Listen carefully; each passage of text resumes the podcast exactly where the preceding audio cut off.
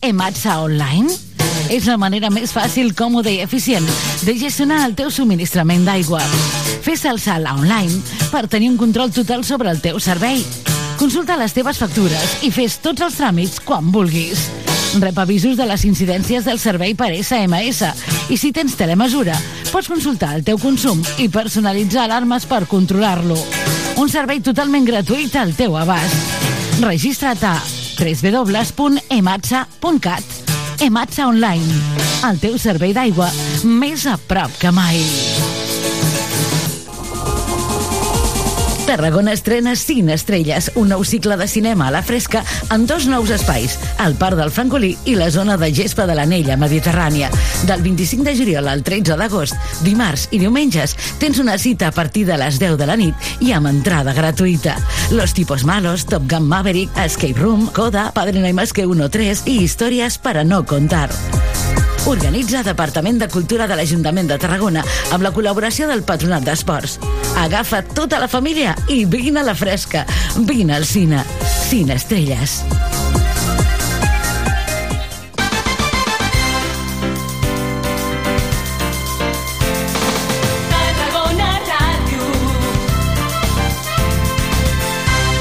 Les 11 i un minut, bon dia, comença el mercat d'estiu.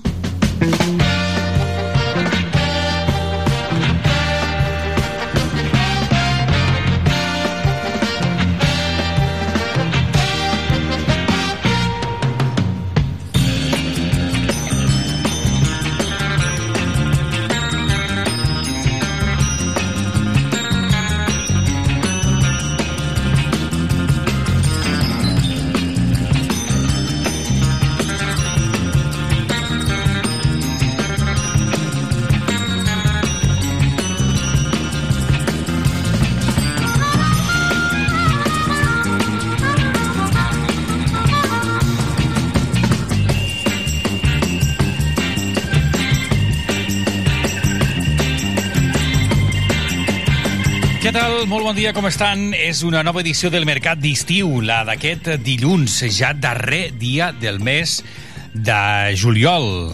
Ja me n'anava jo cap a l'agost, però no, l'agost eh, està tan bon punt a punt de començar. Per molta gent, canvi de cromos pel que fa a les vacances. Alguns comencen, d'altres acaben. Veiem força cotxes aquest cap de setmana a les carreteres amb aquesta operació sortida i és que suposem que la gent doncs, té ganes també de desplaçar-se en funció de les seves possibilitats. En fi, sigui quina sigui la vostra postura, la vostra posició, si ens escolteu a casa, a la ràdio, a la feina, a través del mòbil, doncs gràcies també per fer-ho i per la confiança. Som al 96.7, ja ho saben, al 96.7 de la freqüència modulada a tarragonaradio.cat, la TDT i les aplicacions mòbils, així ens poden escoltar. I avui, amb uh, un munt de continguts que us acompanyaran des d'ara i fins uh, més enllà de la una del migdia. De seguida els escoltem i els eh, coneixem amb un programa que fa possible tècnicament el eh, Lluís Comes i en nom de tot l'equip qui us parla el Miguel González. Comencem. Mercat d'estiu. Entrevistes fresques i de quilòmetre zero a Tarragona Ràdio.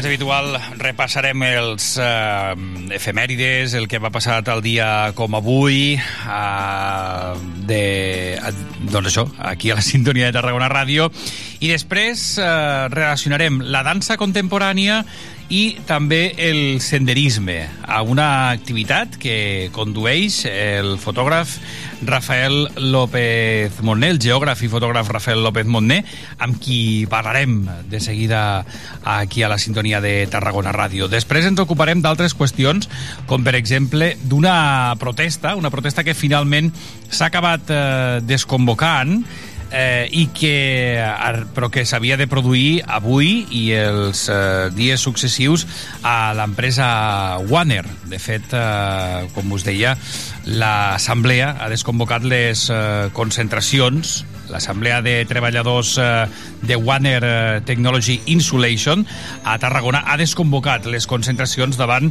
dels centres de treball de l'empresa que tenien previstes. Sembla que la companyia ja ha pagat part de les nòmines pendents als eh, treballadors. En parlarem de quina és la situació perquè desconvoquen aquestes vagues, però mantenen una protesta per divendres. Per tant, en parlarem amb el secretari general de Comissions eh, Obreres d'Indústria de Tarragona, el senyor Pedro Carmona.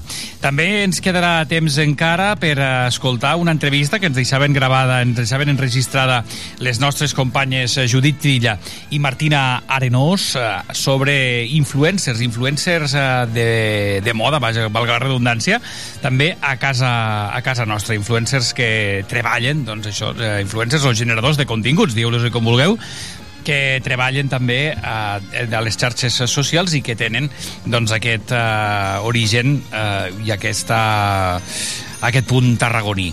I després ens n'anirem cap a la Rambla Nova també per escoltar diverses entrevistes amb comerços històrics que formen part de la imatge de la, de la radiografia de la Rambla Nova alguns encara hi són, altres ja no. Ho escoltarem això a partir de les 12 del migdia. Més enllà, l'espai Tothom, i encara avui una edició de La Fons a Tarragona Ràdio. Serà qui acabarà de completar els continguts d'aquest matí de dilluns, com dèiem, 31 de juliol, avui, amb màximes que es eh, preveuen altes, mm, fins i tot diuen alguns, eh, algunes veus que de rècord, veurem les que ens deixen a la ciutat de Tarragona. N'estarem també pendents. Com us deia, és dilluns 31 de juliol.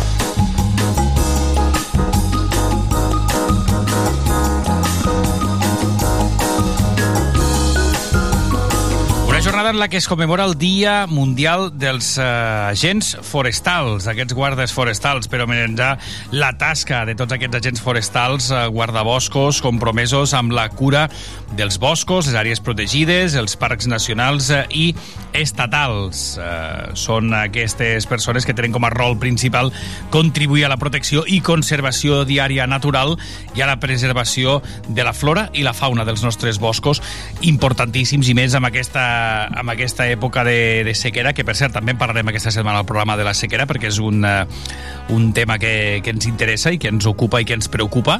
Per tant, en parlarem aquests dies, però avui vagi aquesta salutació per totes les persones que es dediquen a preservar i a conservar tots aquests espais eh, naturals. Tal dia com avui neixia Alba Carrillo, model i presentadora que avui compleix eh, 36 anys, neixia l'any 1986. També neixia tal dia com avui J.K. Rowling.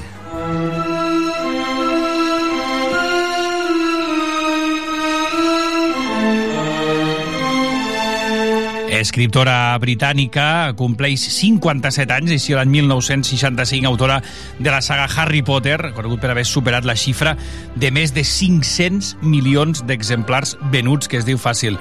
I si aquí li sumem tot el tema de les pel·lícules, doncs eh, imagineu-vos, de fet el que estem escoltant és la banda sonora de Harry Potter. Tal dia com avui, també de l'any 2008, als Estats Units la NASA anunciava el descobriment d'aigua al planeta Mart, i d'això ja fa també una bona tira d'anys. Com també fa una bona tira d'anys del 1989. I direu, i què té d'especial el 1989? Doncs és la data que avui hem escollit per posar-li música al programa. Les cançons que avui escoltarem sonaven a l'estiu i eren números 1 de l'any 1989, com per exemple aquesta.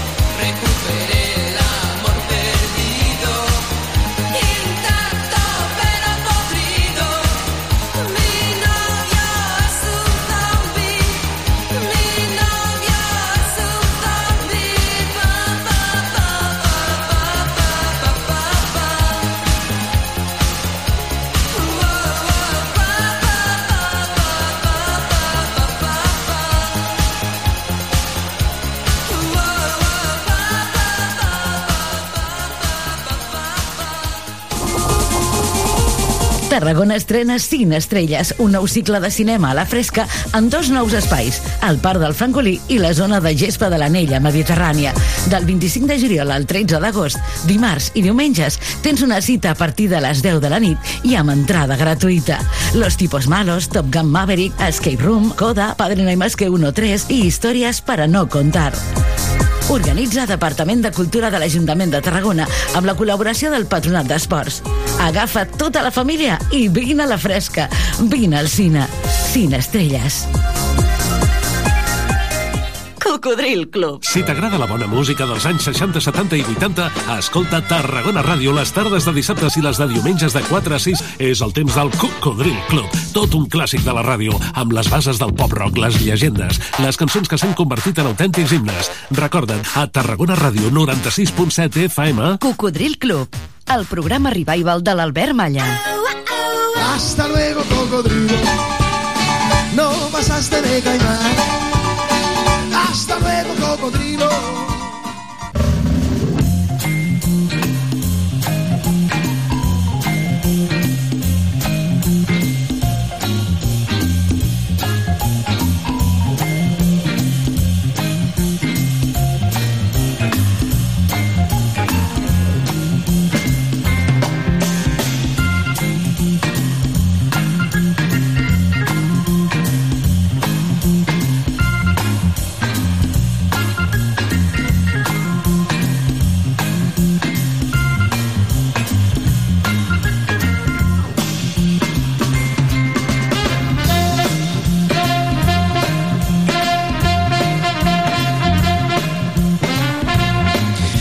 Volem ara parlar-vos a la sintonia de Tarragona Ràdio d'aquesta ruta de senderisme fins a les coves del Llorito que incorpora dansa contemporània.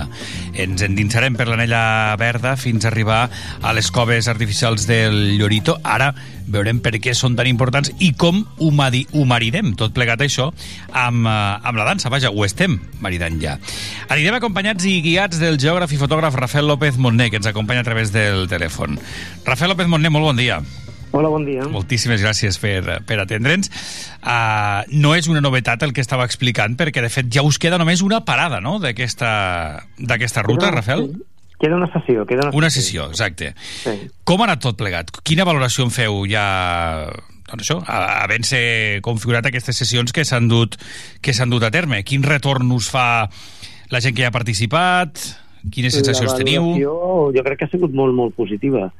Um, La gent surt eh, molt sorpresa, uh, normalment no s'esperaven.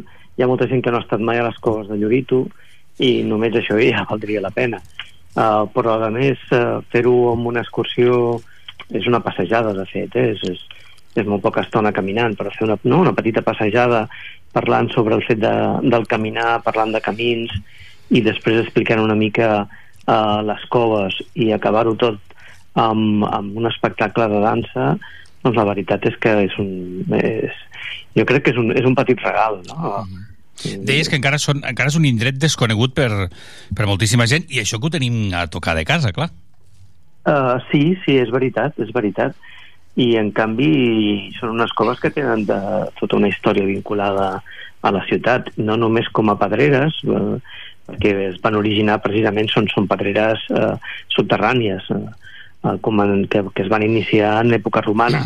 Uh, hi havia una bona veta de, de, de pedra, precisament la que es va fer servir per la muralla, i es van començar llavors, però es van anar explotant al llarg del temps. Uh, sabem relativament poc però de, de la història passada, però de la història present sí que sabem que, per exemple, uh, la gent de Tarragona les va utilitzar per, per amagar-se i refugiar-se dels atacs uh, aeris durant la Guerra Civil.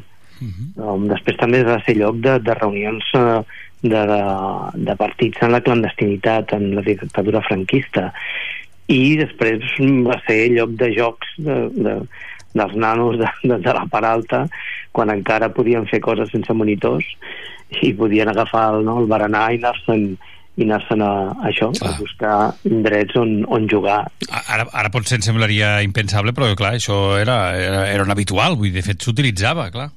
Uh, sí, sí, sí, i jo m'imagino, clar, de, de ser de nens, els nens que devien uh, descobrir aquell indret devia ser absolutament meravellós per ells.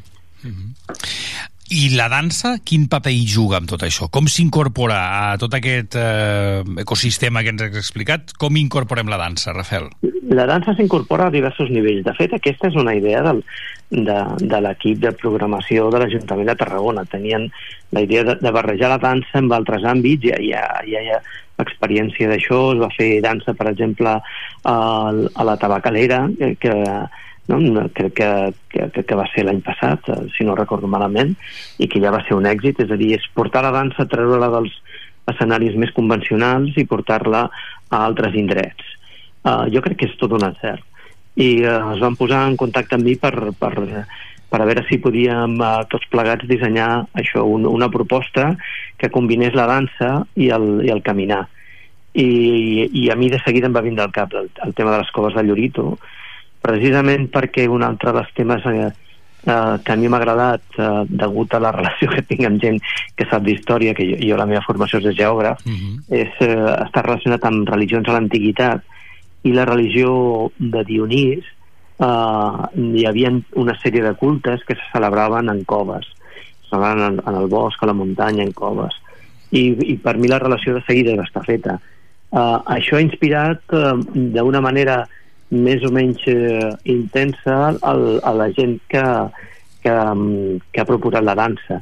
Hi havia peces que ja estaven treballades d'abans, però vam tindre converses amb ells i va ser, la veritat és molt gratificant, perquè el mateix escenari, eh, el poder dansar, no? poder ballar dintre d'una cova, eh, que a més canvia completament un cop la il·lumines, encara que siguin molt pocs, amb molt pocs focus, uh mhm. -huh. canvia completament, doncs, com us dic, l'experiència per, a, per als mateixos ballarins i ballarines és, és sensacional perquè, perquè la natura, no? en aquest cas la geologia, té una força molt especial i, i no, i no l'aconsegueixes en un escenari eh, pots aconseguir altres coses no sé si igual o més importants eh, en un escenari, però aquesta eh, te la dona mm, aquest punt de, de salvatgia no? eh, te la dona precisament l'escenari aquest natural de les coves Uh, com dèiem, ja heu tingut diverses sessions i aquest dijous us queda la darrera, uh, aquest dijous 3 d'agost, la darrera sessió que s'anomena El meu útil, perdó, el meu últim refugi, uh, amb la gent de la imperfecta, no, Rafael? No, la gent de l'imperfecte ja ho va fer... Ah, ostres, disculpa, doncs mira, això ho tenia jo mal, sí. mal documentat, no, no, perdona. El, el títol l'has dit bé, el, el meu últim refugi... He fet una uh, mescla de les dues últimes sessions, sí. crec, eh?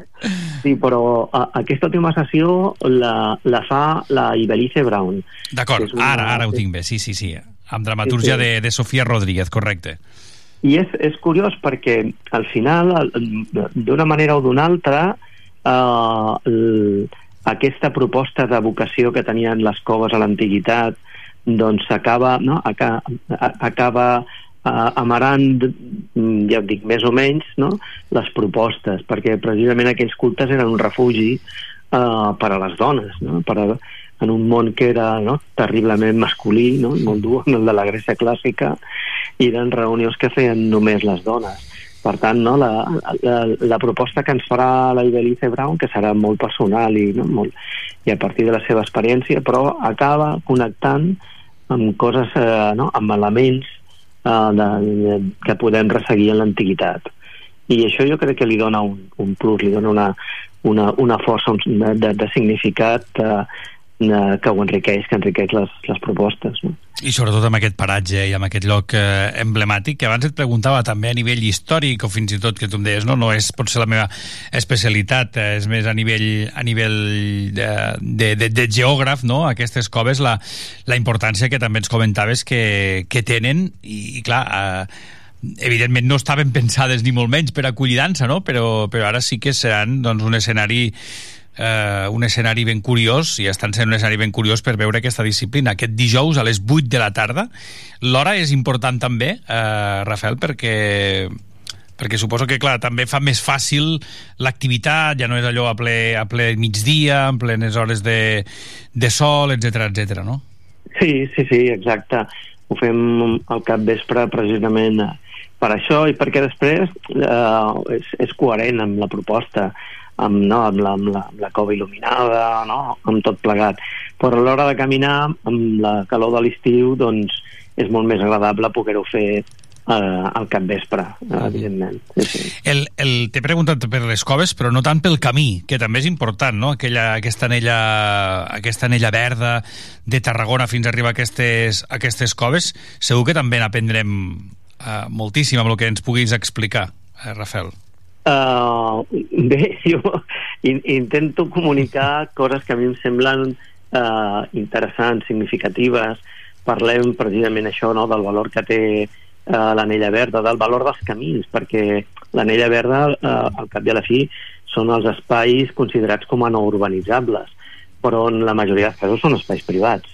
És a dir, que són els camins, els camins públics, precisament els que garanteixen el, el dret a circular pel nostre municipi, pel nostre territori i, el de, i, i el, la possibilitat de gaudir d'aquests espais uh, més naturalitzats. En molts casos estem parlant de, de, de zones que havien estat de conreus, algunes es mantenen i jo crec que, que en el futur en recuperarem uh, part d'elles, altres han quedat abandonades, però en tot cas és un espai molt més naturalitzat.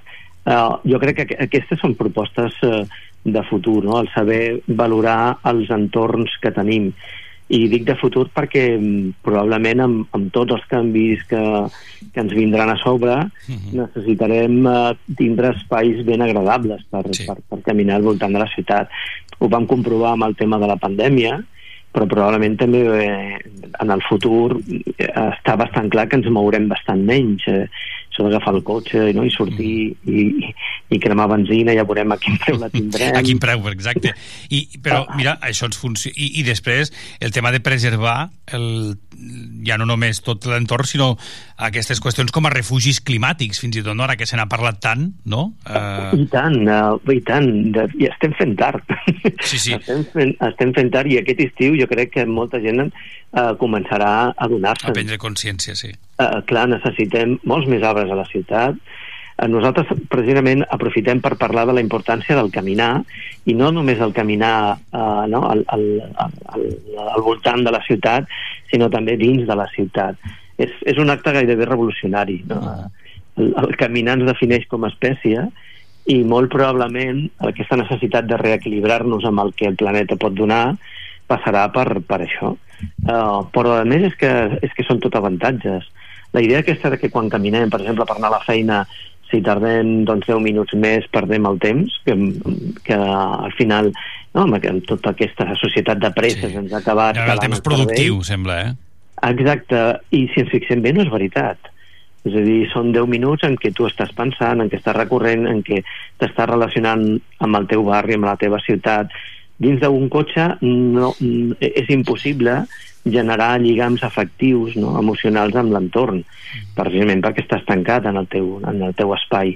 Uh, en, per exemple, relacionat amb això, la única estratègia que realment s'ha vist que funciona per recuperar comerç de proximitat és precisament uh, fer entorns més caminables, que no, no necessàriament han de ser uh, carrers només peatonals, eh? Però fer que la ciutat no, sigui molt més agradable per caminar. Caminar, no, el caminar i la bicicleta eh, canvien completament les ciutats i les canvien per millor, les humanitzen. Uh -huh. Um, Rafael, doncs, queda encara lloc per a, per a aquesta última ruta o, o no? No, ostres, això no t'ho sabria dir. ho provem, en qualsevol cas ho, ho busquem i ho provem, no, ho dic perquè com que realment doncs, ha, ha tingut certa tirada l'activitat i, i la gent, com tu em deies, està contenta, el retorn és positiu, doncs també perquè si algú encara vol gaudir d'aquesta ruta, podria, clar, de, dependrà també de, del, de qui organitza, que això tiri endavant, si es pot repetir o si se li poden donar més edicions? Sí, sí, clar. Això finalment hi haurà, no?, uh, des de l'Ajuntament i de la mm. regidoria que toca, doncs eh, suposo que, que s'analitzarà i, es, i es prendran decisions de cara a una possible nova edició. En tot cas, jo que el, en relació amb el que acabaves de dir, sí. um, com les entrades són gratuïtes, ha alguna vegada que, que hi ha gent de, la gent més conscient, quan mm. veu que no hi pot anar i l'ha agafat, uh, ho comunica a la gent de l'Ajuntament. Això és l'ideal, clar. I es tornen a posar... Alliberes aquella entrada Exacte. perquè algú la pugui utilitzar. Ho no? dic perquè si ara entren per exemple, no hi ha entrades, que ho segueixin provant, no? Mm. com el dia abans, sí. perquè, perquè és probable que se'n tornin a posar. No? Molt bé. Um, a la, a la venda i de, la venda. I de disponibles. Sí, bueno, no és a la venda, no? Però no, no, no, a la venda volia dir a, a disposició, disculpa, volia dir més que a la venda em referia a posar-les a disposició. la paraula també, sí. sí. Sí, sí, sí, exacte. Doncs això, que si algú té alguna entrada i no l'ha de fer servir, que la lliberi, que estarà fent un, un gran favor a una altra persona que potser sí que hi vol anar i que es va quedar en aquest cas sense, sense entrada per les uh, rute, per aquesta ruta en dansa que doncs, uneix i unifica senderisme turisme, dansa, que ens permetrà conèixer aquestes coves artificials del Llorito eh, i també tot, el, tot aquest camí. Rafael López Montner, que t'agraïm moltíssim que ens ho hagis explicat, també per la tasca de divulgació i moltíssimes gràcies. Un plaer. Que vagi Moltes molt bé, molt bon estiu. Igualment.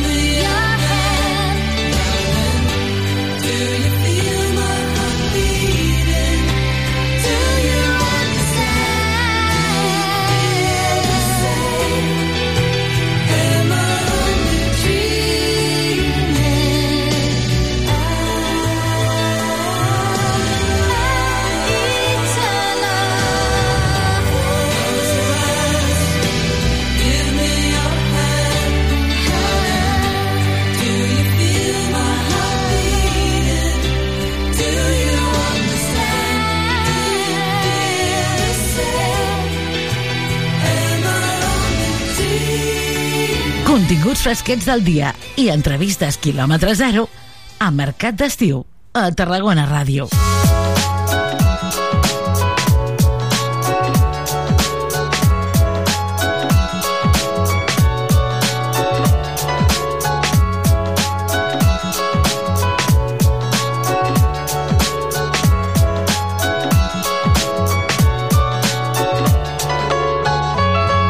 3 minuts per sobre de dos quarts de 12 del migdia, l'Assemblea de Treballadors a Warner Technical Insulation a Tarragona desconvocava finalment les concentracions davant els centres de treball de l'empresa després d'haver anunciat divendres que enduria a terme ara us explicarem per què, però sí que sembla que mantenen la que hi havia prevista per divendres a Tarragona. Saludem al secretari general de Comissions Obreres d'Indústria de Tarragona, Pedro Carmona. Senyor Carmona, molt bon dia. Hola, molt bon dia. Moltíssimes gràcies per atendre'ns. Finalment, aquesta protesta, aquesta convocatòria de vaga, s'ha desconvocat in extremis. Sembla que del cap de setmana hi ha hagut moviments per part de la companyia. Sí, bueno, per part de la companyia no hi ha hagut massa, el que hi ha hagut moviments és per part de, de NAS, que, que ha rescindit el contracte en Warner. Ah, llavors, Expliqui, partir... sí, comencem pel principi perquè siguem capaços d'entendre-ho bé. Quina era la, la reclamació, és a dir, quina era el motiu, la motivació d'aquestes jornades de protesta? Bé, perquè des del mes de juny doncs el personal no, no cobrava ni el salari, ni la paga extra, ni els endarreriments del conveni, és a dir, l'empresa deia que no tenia diners i, i bueno, tots els dies que entraven, perquè és una empresa que dona serveis, és a dir, està donant serveis amb els seus treballadors que fan manteniment a altres llocs, i cobren diners per això, doncs aquests diners no arribaven als treballadors, arribaven a altres deutes, llavors, clar, es quedaven sense salari, sense pagues i sense res. I, i per aquest motiu van convocar la, les 5 dies de vagues d'aquesta setmana. déu nhi és a dir, que els, els treballadors estaven sense cobrar Exacte. les seves nòmines, eh? Uh -huh. Sí, sí. Uh -huh. uh, clar, finalment sembla que, com vostè deia, hi ha hagut algun moviment aquest cap de setmana i s'ha desconvocat aquesta, aquesta jornada. Què és el que ha passat? Bé, arrel de convocar la vaga, mm, l'empresa doncs, va començar a, a moure's una mica i llavors eh, mm, va arribar un compromís de pagar la paga extra de juny, vale? i aquesta paga l'ha abonat. Llavors, el mes de juny i el mes de juliol, doncs clar, també quedava pendent. S'ha pagat una part del mes de juny vale? i nosaltres el que vam dir és que, bueno, que podíem anar desconvocant, però no tot, és a dir, si nosaltres seguíem parlant i seguíem buscant solucions, doncs desconvocaríem els primers dies per intentar seguir buscant solucions o acords que garanteixin la, la resta dels salaris. Uh -huh. I així és com reclamava. Um, mantenint encara algunes de les protestes perquè veig que continuaran fent aturades durant tota la setmana i fins, o, o fins que la cosa es regularitzi, entenc, no? Sí, de fet la vaga no està desconvocada, s'han desconvocat les protestes. D'acord les protestes que anaven a fer als centres de treball, sobretot a les nuclears d'Escó de, i de Vandellós. Però la, la vaga s'està fent, però és una vaga parcial de dues hores diàries. Però les protestes de moment se concentren els divendres, que seran ja a la seu de, de Guaner. Molt bé. Divendres 4 d'agost, la idea és, davant del taller de Warner a Tarragona, fer aquesta protesta per demanar, evidentment, doncs, eh, la regularització de, de tot plegat. Què preveuen que pot passar divendres? O, o, vaja, o si es mantindrà aquesta protesta o si esperen algun moviment per part de l'empresa aquesta setmana, senyor Carmona. Fins la setmana passada l'empresa semblava que es volia moure, que demanava més temps, que deia que acabaria de pagar-ho tot. Eh, des de que ANAF ha, ha, diguem, ha rescindit el contracte amb, amb Warner, de moment només hi ha silenci, no estan dient res, vale? i de moment no, no, no, no s'estan pronunciant. Eh, demà la gent que estava a les centrals nuclears passarà a anar al taller, no sé on li enviaran, però ara mateix, eh, ja dic, eh, l'empresa està en concurs de creditors, de creditors ara mateix, ha entrat a concurs perquè evidentment té deutes que no pot eh, assumir. I ara el que passarà és que segurament la gent que estava treballant al centre nuclear serà subrogada amb una altra empresa, que sembla ser que estarà Gedes, i la resta pues, estarà dins del concurs de creditors. Que aquí quan entri una missió concursal llavors se tindran ja que parlar amb aquesta persona per veure quins són els ingressos, per donar preferència als salaris que és el que no se feia fins ara, no? I, i per veure si hi ha una viabilitat i una continuïtat per part de l'empresa. Clar, però en qualsevol cas, pel que veiem, la situació és complexa, eh? pels, pels treballadors, o, o complicada, si més no, no? Sí, però de totes maneres jo crec que encara que és més beneficiós que entrem un concurs, que per almenys... Eh, sí, almenys te, et garanteix, en certa manera, que... Ja, que, que els salaris arribin a qui sí, tenen sí, que arribar sí, sí. i que donin preferència també a les persones treballadores. Uh -huh.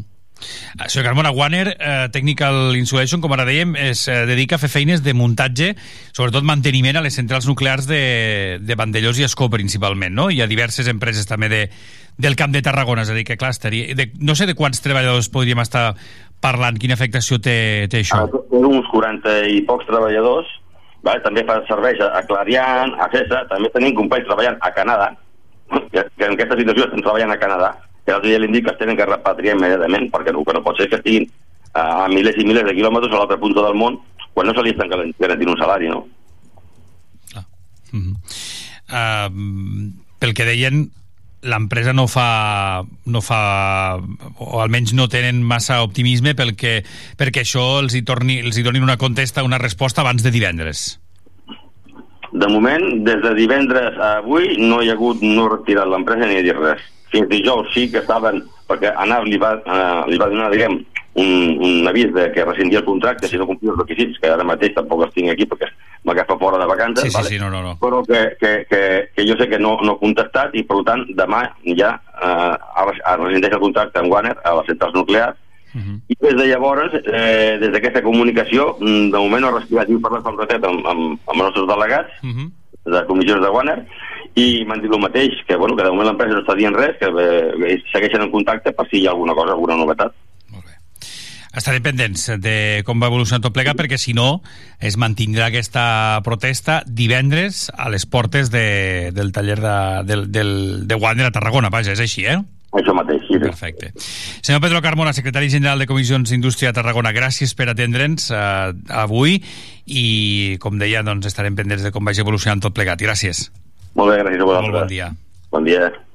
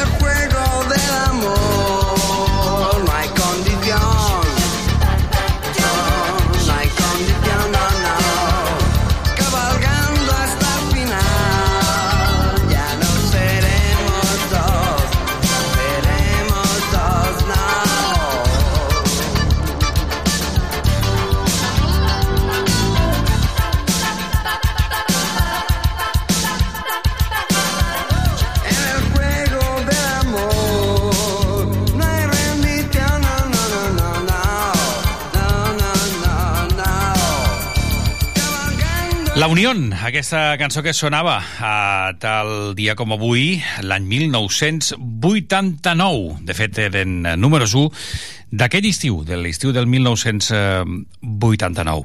I ara, la sintonia de Tarragona Ràdio, és moment de canviar d'àmbit perquè hem de parlar del fenomen booktoker.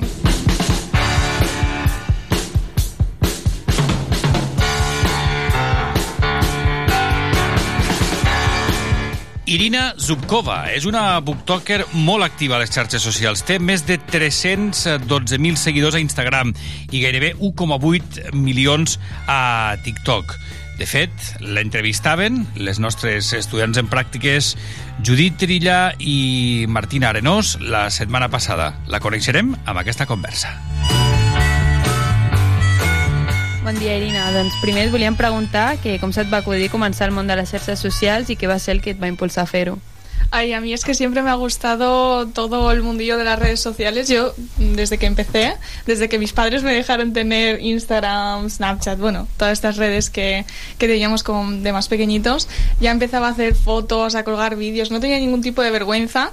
Sí que es verdad que luego en la cuarentena quise como impulsarme más a lo profesional un poco por el método de YouTube empezar a hacer vídeos y tal, pero tenía un poco de vergüenza porque al final vivo en una ciudad pues, bastante pequeña, no es como Barcelona o Madrid, y pues me llegaban comentarios de gente alrededor, en plan, ay mira esta, que está haciendo vídeos, no sé qué, entonces me corté, me corté un poco, pero luego en TikTok, por ejemplo, siempre he sido súper activa y un montón de vídeos se me volvían virales y me iba genial y pues ha sido como, como cosa de día a día. Iba publicando mis cosas y al final ahí, el número ha ido creciendo y ha sido como, ah, mira, pues aquí está. Qué bien, súper bien. Bueno, nosotros sabemos que sobre todo triunfaste en TikTok por ser como el colectivo, digamos, de una manera de BookTok. ¿Puedes explicar un poco qué es esto para la gente que no lo sabe? Vale, BookTok básicamente eh, en la plataforma de TikTok tenemos como varias... eh, como varias secciones, ¿no? Tenemos el- la sección de belleza, la sección de deporte. Al final, eh, también el tema de libros era un nicho. Sí que es verdad que existía el booktube, que básicamente era gente que hacía vídeos de YouTube hablando de libros y tal, pero en TikTok yo no lo veía. Entonces, eh, pues, de un día a otro empecé a hacer vídeos de, de libros, de Wattpad, no sé si sabéis Sí, cuál es sí. la plataforma, sí, ¿verdad? Eh, pues empecé a hacer vídeos de Wattpad y dije, ostras, pues a la gente le gusta, aquí la gente veo que es un nicho que no está como explotado en TikTok, entonces, pues como a mí siempre me ha gustado leer, empecé a hacer vídeos y simplemente como que ha ido surgiendo natural y me he encontrado con gente que le gustaba lo mismo que a mí, entonces ha sido como, jo, qué guay. Qué bien. Es un colectivo muy bonito, a mí me gusta mucho. Sí, es, es muy, muy sano. Porque tú, ¿por qué decidiste enfocar tu contenido a la lectura? ¿Simplemente por gusto propio? Sí, o- porque siempre me ha gustado leer. O sea, yo desde muy pequeña, eh, mis padres me han ido regalando libros. Yo era muy fan, por ejemplo, de toda esa etapa de After. No sé si lo habéis leído. Sí, todo el mundo ha pasado por After. Todo el mundo. Yo literalmente me llevaba los libros a clase y en clase se los dejaba a mis amigas y nos lo pasábamos y mi libro está como con páginas amarillas, está reventado. Pero bueno, yo era como la, la típica que se traía los libros y se los dejaba a mis amigas. Pero es que a mí siempre me ha gustado leer, siempre he leído fanfics, siempre he leído pues, un montón de libros, también Crepúsculo, como no, forma parte de mí. Sí, lo hemos estado comentando, Team Jacob, pero no pasa nada. Eh, yo he tenido mi etapa de Team Jacob. Creo que aún me tengo que acabar los libros para ser Team Ostras, Trevor. es que los libros son mucho mejores. Sí. ¿A ti te gustan? A mí no me gusta Crepúsculo. ¿No te gusta? Eso es porque no te No me los matéis. ¿Te has No. leído los libros? No. Es que los libros son mucho mejores. Sí, O yo sea, no me los que- empecé, pero no he acabado. Es que es un largo. debate, un debate bastante Sí, profundo, duro. sí. Pero bueno, eh, pues eso, básicamente yo era siempre la típica chica que me traía el libro a clase y a la hora de descanso yo me ponía a leer. Solamente queríamos preguntar si en algún momento, porque las redes al final son muy complicadas, si has tenido algún problema, has pensado en dejarlo y pasarte a solo a hacer vídeos de tu vida en general o otro tópico. A ver, eh, yo siempre he enfocado las redes como, o sea, ¿cómo decirlo? Yo no soy solo una persona que lee.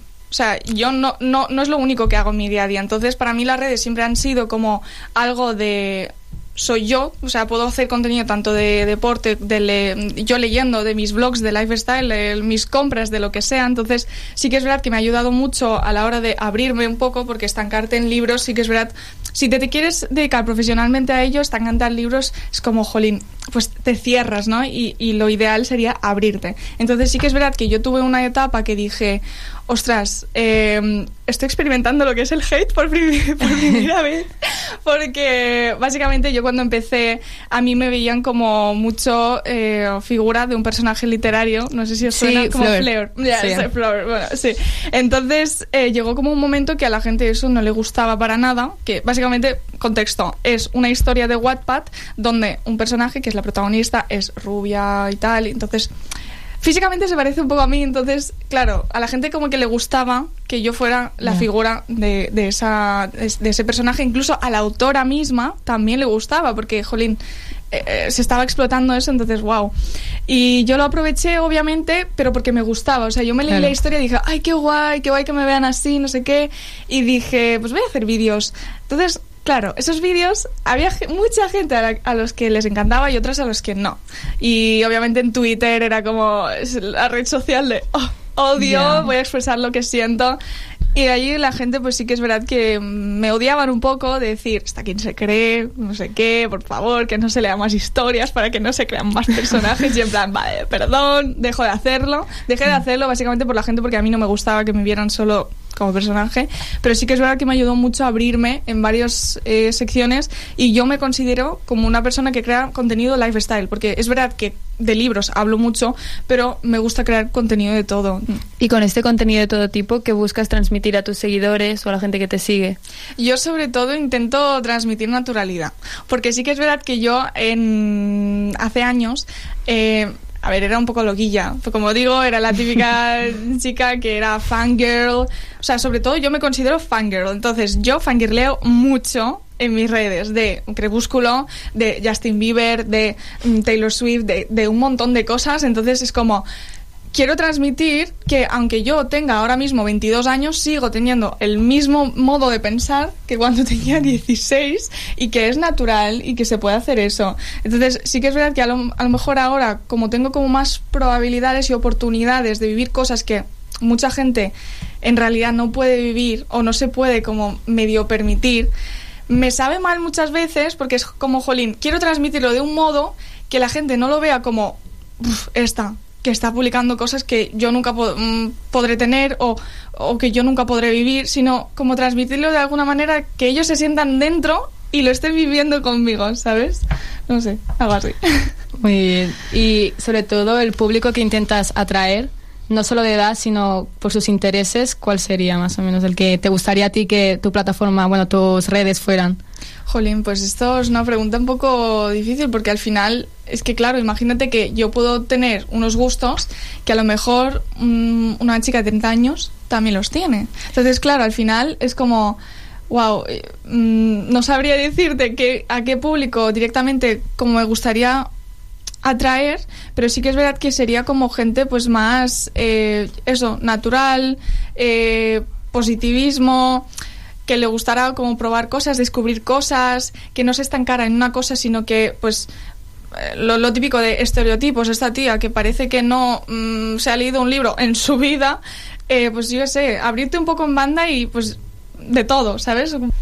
Y cuando empezaste, ¿te esperabas que ibas a llegar al punto de tener mm, 300.000 seguidores en Instagram y casi 2 millones en TikTok? Para nada. O sea, yo creo que esto no se espera.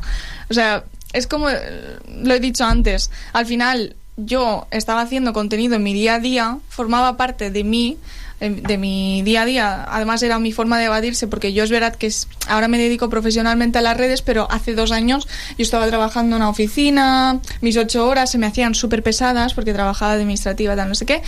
Se me hacían muy pesadas y al final yo lo único que quería hacer es llegar a casa, seguir leyendo mi libro, que me estaba leyendo, y empezar a hacer contenido porque como que veía que a la gente le encantaba y hablar y, y- y debatir. ¿A ti te ha gustado este libro? A mí mm, no tanto, tal. ¿Por qué? Intercambiamos opiniones. Pues al final es como que algo que no me esperaba, pero como subes el contenido en tu día a día porque es algo que forma parte de tu, de tu rutina, pues es como que los números van creciendo y tú no te das cuenta. Y luego te paras a pensar porque mis amigos a veces me dicen, imagínate un campo de fútbol, ¿vale? Imagínate el Bernabéu, por ejemplo. Pues tú tienes el triple de personas que acaban aquí y yo en plan, ¿qué? Claro, ahí ya te das un poco de cuenta y decir, ostras, pero es que al final es verdad que es un debate que en las redes solo ves un número. Y es verdad, o sea, es un número que tú ves que a lo mejor sube, sube, sube, pero luego, por ejemplo, en la Feria del Libro de Madrid, que me pasó hace poco, que fui y wow, claro, al final el tipo de gente que me sigue está en la Feria del Libro de Madrid. Claro. Entonces ahí cuando vine y, y vi que muchísima gente se acercaba, me pedía fotos y tal, dije que estoy viviéndolo lo que es en realidad esto. Pero cuando estás en tu casa encerrada y haces tus vídeos, no lo ves, no lo ves venir esto. Es como algo tan progresivo que no. Claro, no te das cuenta al No. final.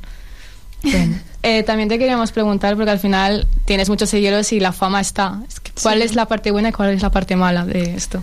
A ver, yo sí que es verdad que puedo decir que me siento afortunada porque creo que estoy en un punto donde, a ver, ni soy muy conocida, o sea, no soy Lola Lolita, pero, pero tampoco, mm, o sea, no soy tan, tan, tan conocida y tengo un nicho que es, como hemos dicho, que es muy sano. Entonces, al final, la gente es súper educada, súper, no sé, respetuosa, comparte su pasión por los libros y tal, y al final eh, tengo como un público que la mayoría de ellos son de 18 a 24 años, entonces al final es como que te acostumbras, pero sí que es verdad que hay cosas randoms que me pasan a veces, por ejemplo el otro día que fui con mi novio a pasear, pues dos chicas nos empezaron a seguir y yo, claro, al principio no me di cuenta, eso, eso nunca me había pasado, ¿eh? No me di cuenta al principio y mi novio diciéndome, hay dos chicas que nos siguen y yo en plan, ¿qué? Entonces, claro, ya me giré, me di cuenta y llevaban como siguiéndonos a lo mejor 10 minutos, 15.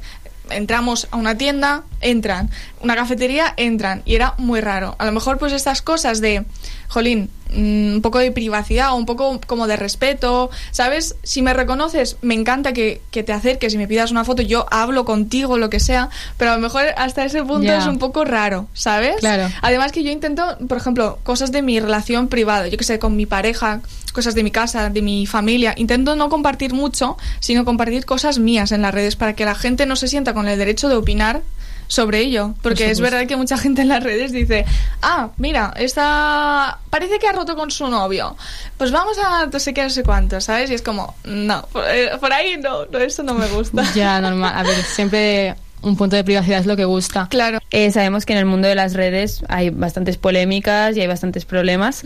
¿Alguna vez te has encontrado en, metida en una ola de hate muy grande o en un determinado momento en el que te haya caído un montón de odio o comentarios negativos? Un montón, no. O sea, es como he dicho antes, yo estoy como en un, en un sector donde no hay tanto ni hate, ni, mole- ni polémica, ni nada. Sí que es verdad que eso parece que sea muy sano. Yo digo que es muy sano dentro de lo que cabe. Pero hay salseitos, hay sus cosas, existen plataformas donde la gente mm, tiene un usuario anónimo donde opina de gente, habla de gente. Yo la verdad que nunca he entrado a esas cosas porque a mí me da cosa. Twitter me eliminé hace tiempo porque digo, es que paso, paso, porque es que te saltan cosas sobre gente mm, y dices, ostras, es que al final es como no sé, cosa, como algo súper negativo. Entonces a mí no me gusta eso. Pero sí que es verdad que tengo la suerte de que no me he visto envuelta en, nada así como muy polémico. Pero sí que es verdad que han, habido cosas como, por ejemplo, lo de, ay, esta, que se cree el personaje este, qué pesada, o que no se lea este libro, que si no se va a creer tal. Cosas así, básicamente. O, por ejemplo, que hace poco me invitaron a la premier de Culpa Mía. Y claro, yo me he leído los libros hace mucho tiempo y yo en todo momento dije que me gustan mucho los libros. En plan, que en su momento me gustaron un montón. Sí que es verdad que hay cosas que a lo mejor cambiaría, decir, ostras, tal, porque mm, los tiempos avanzan, las cosas cambian, tal. Pero, pero yo qué sé, la gente es como tú no te has leído los libros, tú no te mereces ir a la premier o no te gustan. Bien, alguna vez nos comentabas antes que trabajaste de administrativa. En algún momento, ya que subías contenido al mismo tiempo que trabajabas, ¿alguna vez te hicieron sentir inferior o te pusieron alguna pega por crear contenido mientras trabajabas? Mm, la verdad es que nunca. O sea, que yo me acuerde, de hecho creo que es que mi jefe era muy majo, es como Mejor, mejor, yo, si yo trabajaba en una empresa como muy muy familiar. Eso era una empresa muy pequeñita, bueno, es muy pequeñita, muy familiar, el jefe conmigo era majísimo, eh, entonces eh, la gente que venía de fuera me decían, "¡Ah! mi hija te sigue. Y yo en plan, ¿qué? Y claro, mi jefe se enteró de que yo creaba contenido y tal, pero siempre han sido súper majos porque decían, es que al crear contenido de libros me gusta que lo hagas porque mi hija te sigue, no sé qué, le recomiendas como cosas, le influyes a bien, entonces al revés, es como que me apoyaban un montón. Entonces era muy guay. Está muy guay, sí, sí. También te queríamos preguntar sobre el, proye- el proyecto futuro del cuaderno de lectura, que le hemos estado mirando, que nos expliques un poco. Sí, pues eh, esto es una oportunidad que en realidad eh, surgió hace por lo menos un año eh, que me lo plantearon. Entonces yo, eh, claro, estaba como en un momento de mm, no sé si lanzarme, los- no sé si es el momento, no sé si hacerlo, no, no, no sabía. Era como, estaba como en un bucle de ay, ay, ay, ay, ay. Entonces este año hice clic y en enero nos pusimos en ello y ya nos pusimos a tope, a tope, a tope y pues va a salir ahora a finales de, de agosto, el 30 y la verdad que estamos trabajando en un montón de cosas súper guays, la editorial, mm, ya os digo, llevo trabajando con ellos dos años y súper majos, siempre han sido como súper majos con- conmigo en cuanto a colaboraciones y en cuanto a más proyectos. Entonces tengo con ellos un montón de confianza y, y, por ejemplo, ahora en septiembre haremos eh, firmas y todo. O sea, que yo, claro, yo he pensado... Es un cuaderno. ¿Cómo vas a hacer firmas? Pues no, no, no. Claro, Irina, es que tú tienes un público que, le ha- que, que hay chicas que me han parado ahora cuando voy a Madrid, a cosas así. Me han parado, oye, eh, ¿vas a hacer firmas del cuaderno? Y claro, yo me quedo así digo, ¿cómo que firmas del cuaderno? Porque es un cuaderno eh, donde puedes anotar pues eh, tus lecturas, tu progreso durante el año, eh, yo qué sé, tu, tu be read, que los libros que tienes pendientes. Eh, hay como una parte que ha trabajado mucho la editorial que es para explicar a, la gente que se está uniendo pues todo al, mundillo de lectura porque ha crecido mucho ahora y hay mucha gente que está como em, iniciándose pues todo el desgloce de, em, de los tropes, de los clichés que existen, un poco de explicación, luego hay un montón de recomendaciones mías eh, que también he ido dejando a lo largo del cuaderno, entonces es como, yo lo considero como una mezcla entre un diario y, y como un, pequeño, no sé, avance sobre mis cosas de decir, eh, pues mira, mm, te cuento un poco de, de cómo marco yo los libros, por ejemplo, te, te digo yo mis recomendaciones de lo que me gusta hacer a la hora de leer y también que tú puedes participar sobre todo en ello, porque es verdad que un 10% a lo mejor son cosas escritas, pero el 90% es para que tú lo completes, para que tú participes y sea tu journaling, por ejemplo, pero de libros, ¿sabes? Qué bueno. Sí. Está muy bueno. Lo hemos visto y es muy bonito. Sí, es precioso. Y además del cuaderno de lectura, ¿tienes algún proyecto en el que las redes te puedan ayudar a conseguir pendiente, como escribir un libro? A ver, tengo que decir que las redes, o sea, te ayudan a eso, a que te salgan como un montón de oportunidades de proyectos. A mí yo no sé cuántas veces me han ofrecido escribir un libro de diferentes editoriales y yo no estaba preparada. Sí que es verdad que hoy en día estoy creando mis cosas, mis cosillas, lo voy haciendo, pero aún nada que digas, "Mm, es oficial, voy a sacar un libro con esto, no. Pero porque siento, o sea, ahora mismo como que no estoy preparada. O sea, sí que es verdad que siempre ha sido como un sueño, porque es lo que digo, desde que empecé a leer After, Tessa trabajaba como en una editorial y, y yo tenía el, el- el trabajo de mis sueños ya en mi cabeza y decir, yo quiero ese trabajo. Entonces, eh, siempre como que he tenido el sueño de sacar un libro, pero sí que es verdad que, por ejemplo, hay veces que te ofrecen, eh, ¿quieres sacar un libro de tu biografía? Eh, no. Claro. no quiero sacar Claro. un libro de biografía. O sea, creo que si yo sacara un libro sería una novela probablemente romántica, con mucho salseo, con mucho drama, con, con algo que a mí eh, me identificara. Básicamente, yo escribiría algo que a mí me gustaría leer. Entonces, cuando yo me sienta preparada para escribirlo, eh, sé que en cualquier momento puedo decir, oye, mm, por ejemplo, esta editorial, te- estoy Tengo la idea. en eso. Claro, Sí. tengo la idea, te gusta tal y te facilita un montón las cosas, porque sí que es verdad que a la hora de tener una comunidad es que es más fácil. No te asegura las ventas, porque tener una Claro. comunidad no te asegura las ventas porque mucha gente no dispone de ese dinero a lo mejor, pero sí que es verdad que te dan la oportunidad de sacarlo mucho más rápido que una persona que se está iniciando. Hasta aquí la entrevista, muchas gracias. Tengo que decir que me dolió mucho que dijeras que no te gusta el día que dejó de nevar en Alaska. No, no me gustó. Es que yo lo siento mucho, pero dolió, ¿eh? hay historias, Diremos. pero es que yo creo que hay, hay, hay como momentos del, del mismo lector, ¿eh? Que, que tenemos un bloqueo, básicamente. Sí. Y yo creo que es que lo he leído en un punto de estoy bloqueada. Voy a leer este libro porque sé que Alice me gusta, me encanta Alice, o sea, Sí. es me encanta, pero es que ese libro dije, ostras, es que no me, no me ha aportado nada, lo siento mucho. Con. Alice a mí me pasó con mm, Deja que ocurra.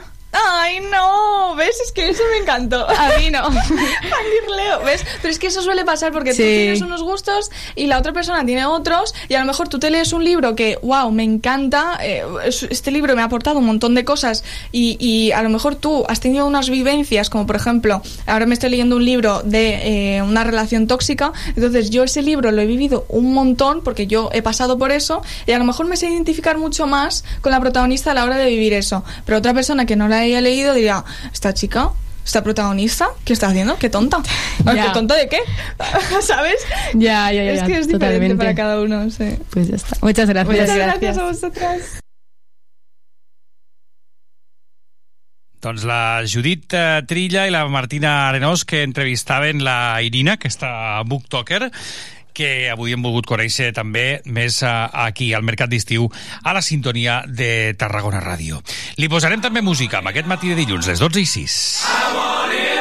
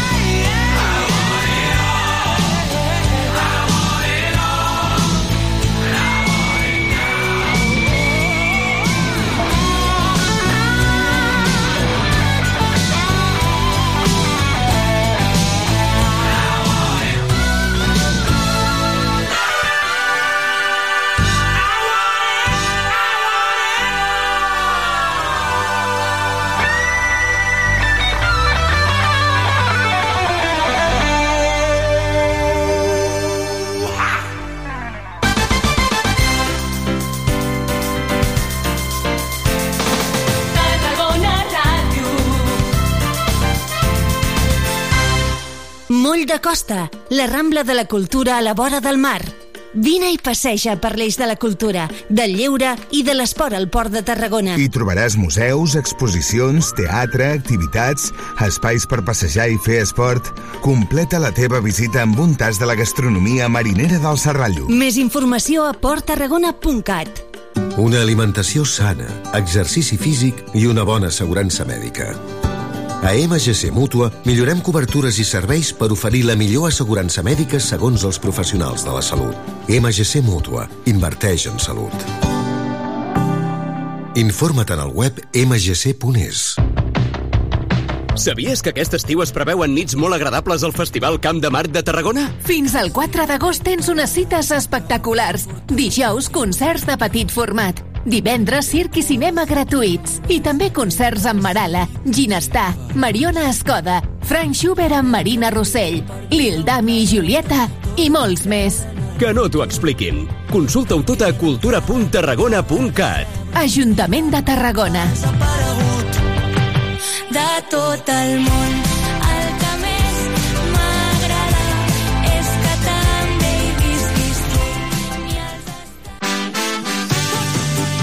Tarragona Ràdio som 40.000 oients. Anunciat a la ràdio local líder en l'actualitat, entreteniment i informació tarragonina. Contacta amb nosaltres al 977 24 53 64 de 9 a 2 al migdia o escriu-nos a publicitat arroba emmt.cat perquè a Tarragona Ràdio t'escoltem.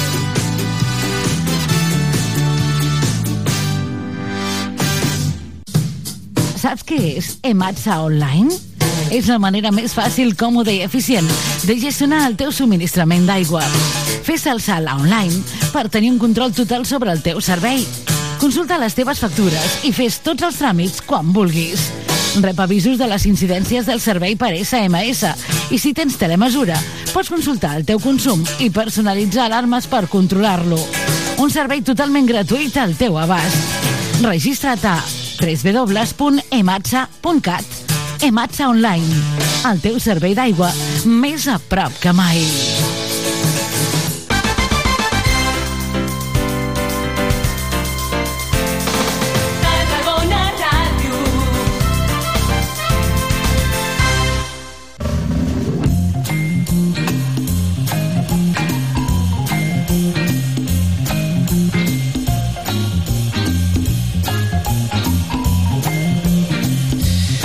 12 i 13 minuts, ja ho saben que a la nostra pàgina web poden recuperar tota la sèrie de podcasts eh, del passat també es viu sobre diferents eh, episodis que han marcat també la història de la ciutat de Tarragona, tots ells recomanables. N'hi ha un que s'està coent, que el tenim al foc i que ha de parlar sobre la Rambla de Tarragona des de diferents eh, punts de vista. Des del punt de vista comercial, per exemple, la nostra companya Tere Ortega podia parlar amb eh, Paquita Maià, era la propietària d'un dels quioscos, dels mítics quioscos de revistes que hi havia a la Rambla Nova de Tarragona. També conversava amb Cefa Moedano, una de les membres de l'equip de floristeria Romeu, que també hi tenen presència a la Rambla Nova de Tarragona. Ho escoltem tot seguit. Hola, Paquita. Hola, maca, Teresa. Eh, quan fa que no tens el quiosc? Pues des del 2018. Vaig jubilar.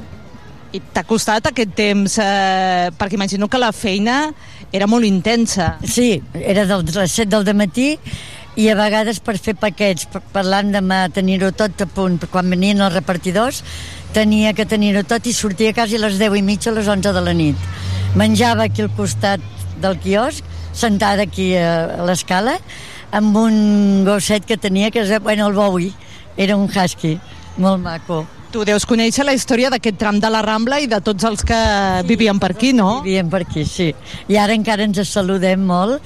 Ara fa, mentre esperava, fa un munt de gent que ha passat.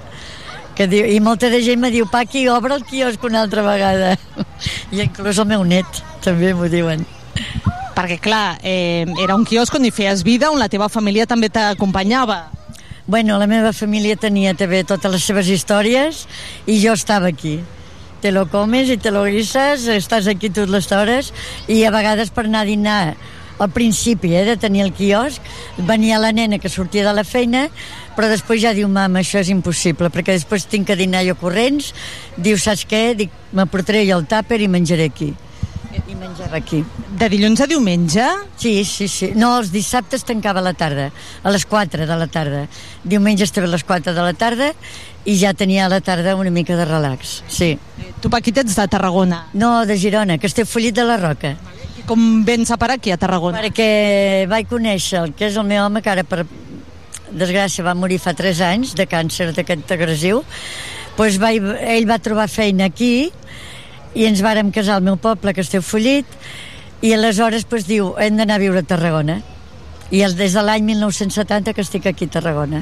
I el negoci del quiosc com, com comença? Comença que ell anar fent la feina i anar fent coses, va anar en crisi coses, va deixar coses i després va trobar una empresa, el grup Z, el grup Z que posava un quiosc aquí davant del Netar, que abans hi havia unes aceres molt amples i no hi havia pàrquing ni res, era molt diferent tot.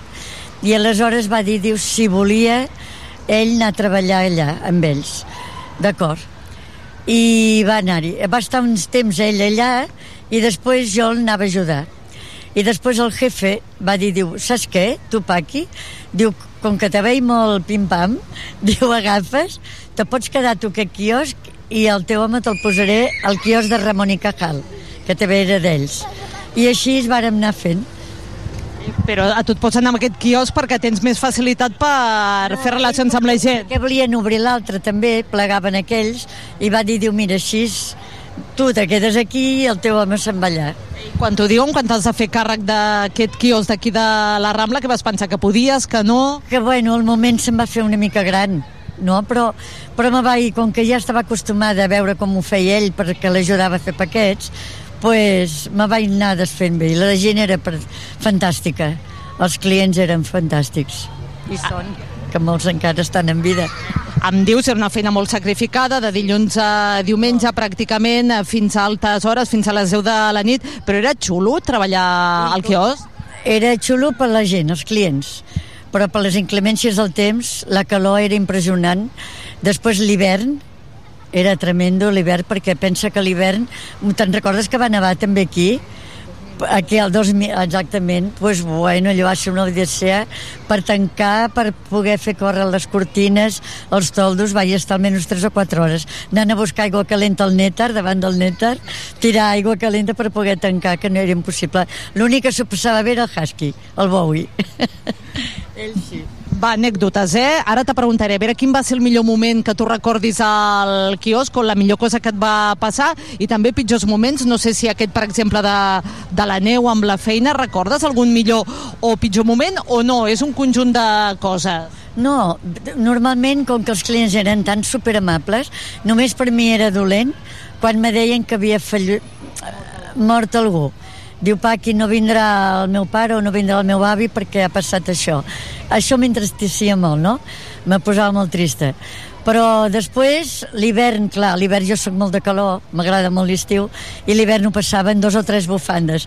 Inclusiu les clients, per quan de tant en tant me regalaven una bufanda. Però el de més, tot, mira, suportable, portava.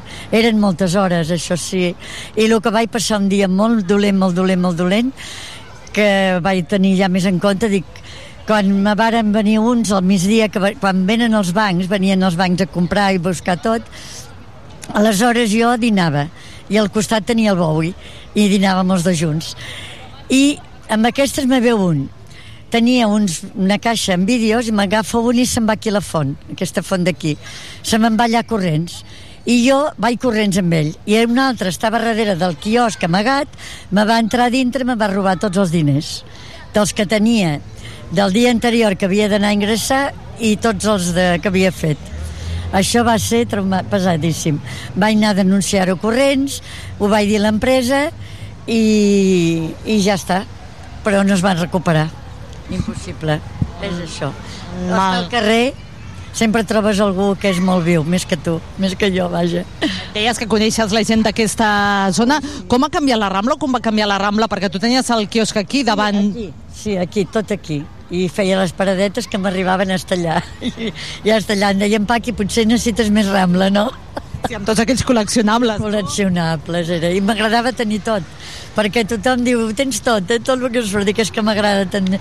Que, que quan vingueu ho trobeu tot. M'encantava. I què és el que més es venia? El diari, imagino, Diari de Tarragona, La Vanguardia... Bueno, el diari de Tarragona, La Vanguardia també molt, el Deportius també, clar, el- l'esport, el món de Tarragona. Sempre venia algun client, diu, diu, bueno, va, que ets una culer, diu, va, que te...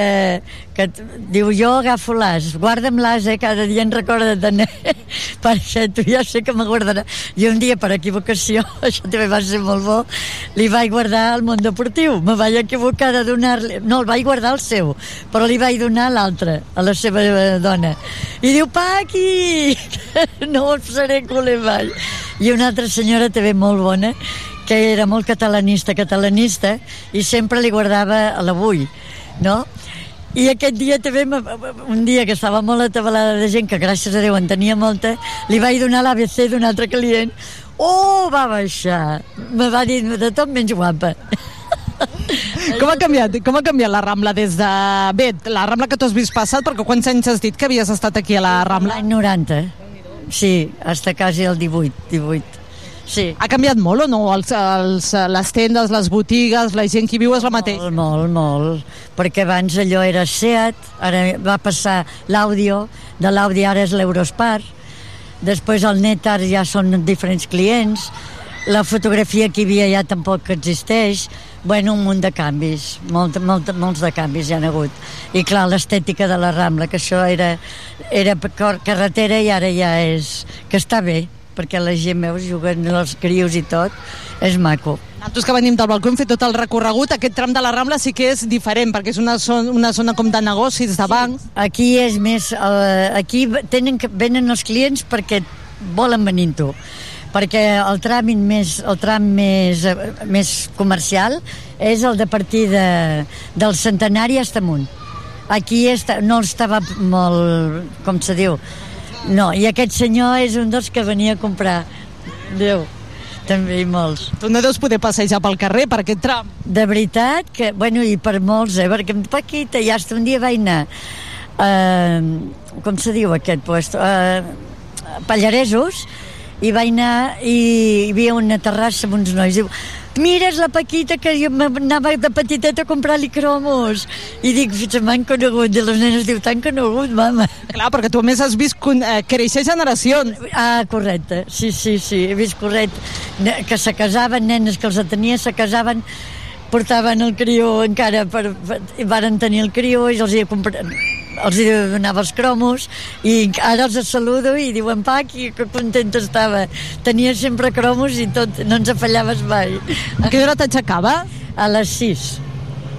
I ara què fas? Quan vas tancar el quiosc, eh, després que morís el teu marit, a què et dediques? Què fas? No, quan vaig tancar el quiosc l'endemà ja portava diaris a gent que no podien anar-los a buscar, de, de clients que tenia, que no podien. Els hi deixava la bústia i després ells cada setmana me deixaven els diners allà. I jo els hi posava allà, el que me deien. Però això és com un acte de solidaritat. Sí, perquè són tan macos, estic, mira, encantada amb tots, t'ho juro, eh? I els hi porto, i ara encara ho faig, encara els hi porto. Hi ha algun que ja en diuen, Paqui, ja no, ja han traspassat. Però encara n'hi ha que els hi porten. La senyora Lourdes també, que van dos crosses, diu, ai, Paqui, que bé que me portes el diari, perquè jo ja no podria llegir. I li encanta llegir amb el diari, tenia el diari a la mà. Tenia el diari a la mà. Li agrada. Com veus el futur dels quioscos i dels diaris? Perquè sembla que en van desapareixent, que ha desaparegut el teu, el de la plaça Imperial Tàrrego, camines, almenys del centre de la ciutat sí que han desaparegut. Com veus el, el futur de, de la premsa escrita, dels quioscos? No sé, és una pena que jo no sé si amb aquest que hi ha de, de Rosalina, que hi ha més amunt, si quan acabi el contracte el renovaran perquè diu que volen la Rambla neta, per tant, però jo trobo que dona molta vida, igual que els quioscos de les flors, que trobo que no tindrien que treure i renovar. Aquest no sé per què també el varen... És que també saps què passa, que és molt sacrificat. I ara la gent jove, molta de gent ja van a lo fàcil. Això de treballar dissabtes, diumenges i tot el dia, perquè jo, clar, anava a comissió i tenia que fer-me un sou i tenia que estar. Jo crec que no estaven per això. I va estar un temps per si l'agafava la gent, però no, no l'agafaven. I ara també hi ha el digital, molta de gent, però també, i ara veig que també hi ha súpers que tenen els diaris, molts súpers. Això em fa por que treguin els quioscos que tenim d'aquí la Rambla. I la gent jove llegeix o no? Jo crec que no. Jo no ho sé segur, eh, la gent jove, però no ho crec, eh? Jo crec que van més pel mòbil ja. Mòbil, digital i tot això. Tu t'has enganxat al mòbil? No, jo només el tinc perquè les nenes m'han obligat. Mama, que si te localitzem, porta, porta el mòbil sempre, perquè et necessitem i perquè pel nen, que si no podem, bueno, per totes aquestes coses. Si no, jo sóc antimòbil. Quants nets tens? Quatre. El més gran té 16 anys i la petitona té 8 mesos. Et fas també cura d'ells, eh? Eh, sí, un es diu, el gran es diu Àlex, el mitjà Marc, el Magí, que és un trasto, que m'agradaria que el coneixessis, i després el, la, la, la Paula, que és la que té 8 mesos. I el Magí, que és el que diu que vol ser científic i vol curar tota la gent que no hi hagi més virus, ningú porti mascaretes, imagina't, a 6 anys, eh? I que vol que tot el món sigui feliç. Diu, i jo a la Paula, com que és petitona, li ensenyaré el camí recte per anar. Imagina't, a 6 anys. La Paquita orgullosa de tota la seva família. I els meus fills encantadíssims també d'ells. Com saps, estem fent un reportatge de la Rambla i acabem ja perquè has de buscar, t'esperen eh, anar a buscar els nets. Eh, Sento molt a gust amb tu, ets fantàstic. què, què és el que més t'agrada de, de la Rambla o de Tarragona? Tu que ets una tarragonina d'adopció. D'adopció, sí, jo tot. Tarragona l'estimo molt. Molt, molt, molt, molt. Tot m'agrada, la part alta, el port, aquí, tal com ho han arreglat també, és que vas a l'Ajuntament, també la plaça de l'Ajuntament, la plaça la Font, és que vaig, per, vaig a passejar molt amb el gos, també cap allà dalt al, al Camp de Mar, tot això. És que té tan, coses tan precioses i baixem a vegades al, al mar, al Miracle, tot el circ romà, tot. És que és Tarragona s'ha d'apreciar perquè és fantàstica, de veritat t'ho dic, que m'encanta. I, I quan marxo, les nenes diu ja ets a Tarragona. Dic sí, de Girona i Tarragona, les dos me tenen el cor robat. Si ha vingut alguna vegada algun amic o familiar de, de Girona, els has portat a la Rambla a tocar ferro o, clar, la teva feina eh, et feia difícil, no?, eh, compartir dinar, sopars amb la família. Sí, sí, però mira què passa. Quan me vaig casar, la meva germana li agradava molt pintar i li deien les professores del col·le que era, tenia on 10 o 11 anys diuen aquesta nena, la Carme, diu és que pinta tan bé que és una pena que no la porteu a molt millor que vagi aprenent i després, quan ens vàrem casar nosaltres, el meu home van dir, saps què? Vine a Tarragona, hi ha l'escola de Belles Belles Arts, i allà aprendràs. I ara és pintora i en fa fantàstic, i fa exposicions també i tot. La Carmen Mayà, sí. I, I pinta paisatges? Què pinta? De tot, de tot. I estrapta, aquella, posa-li tot el que tu vulguis, que allà t'ho fa, t'ho plasma. Sí, sí. I després la meva altra meva germana, la Trini, també va voler venir un dia de vacances aquí i va conèixer un noi i es va casar aquí i va viure aquí també a la mitja lluna un carrer que hi ha allà a l'església de Sant Joan per allí allí es va posar a viure un temps i després ja va haver de marxar cap a Girona perquè és quan va trobar més feina per la filla que va tenir, saps? Però vull dir que Tarragona ve sempre que pot. Estem encantats amb Tarragona. Enyores els temps de quiosquera o estàs millor ara? Bueno, era molt sacrificat, la veritat, però ara al principi sí m'ha trobat, però com que ja te dic, l'endemà ja tenia diaris, que vaig anar a un puesto que me'n donguessin uns quants, els compro, els porto als agents, i ja jo vaig... I tothom me diu, els clients que em veuen, diu, Paqui, tu t'hem de fer un monument aquí amb un diari, perquè és que de veritat, eh, encara estàs amb els diaris. Sí, sí, dius, tants anys i encara vas amb els diaris portant-los aquí i allà. Perquè, mira, m'agrada servir-los, eh, pobrets. Mira, encara es veu allí una mica... Ara ja les que han arreglat, que, han, que els varen treure del quiosc, que era enrajolat, era un enrajolat això, i han posat els colors de la Rambla, però es nota que el nou, eh? Que és nou. Recordem quan van aixecar... Clar, tota la Rambla la van aixecar perquè havien de construir el pàrquing. Com vas viure aquella, aquella època? Horrorosa, horrorosa. Va ser tremenda també, que, perquè pensa que els bancs mateixos, els bancs, si tenien la zona aquesta, la dreta, tenien, anaven, se posaven a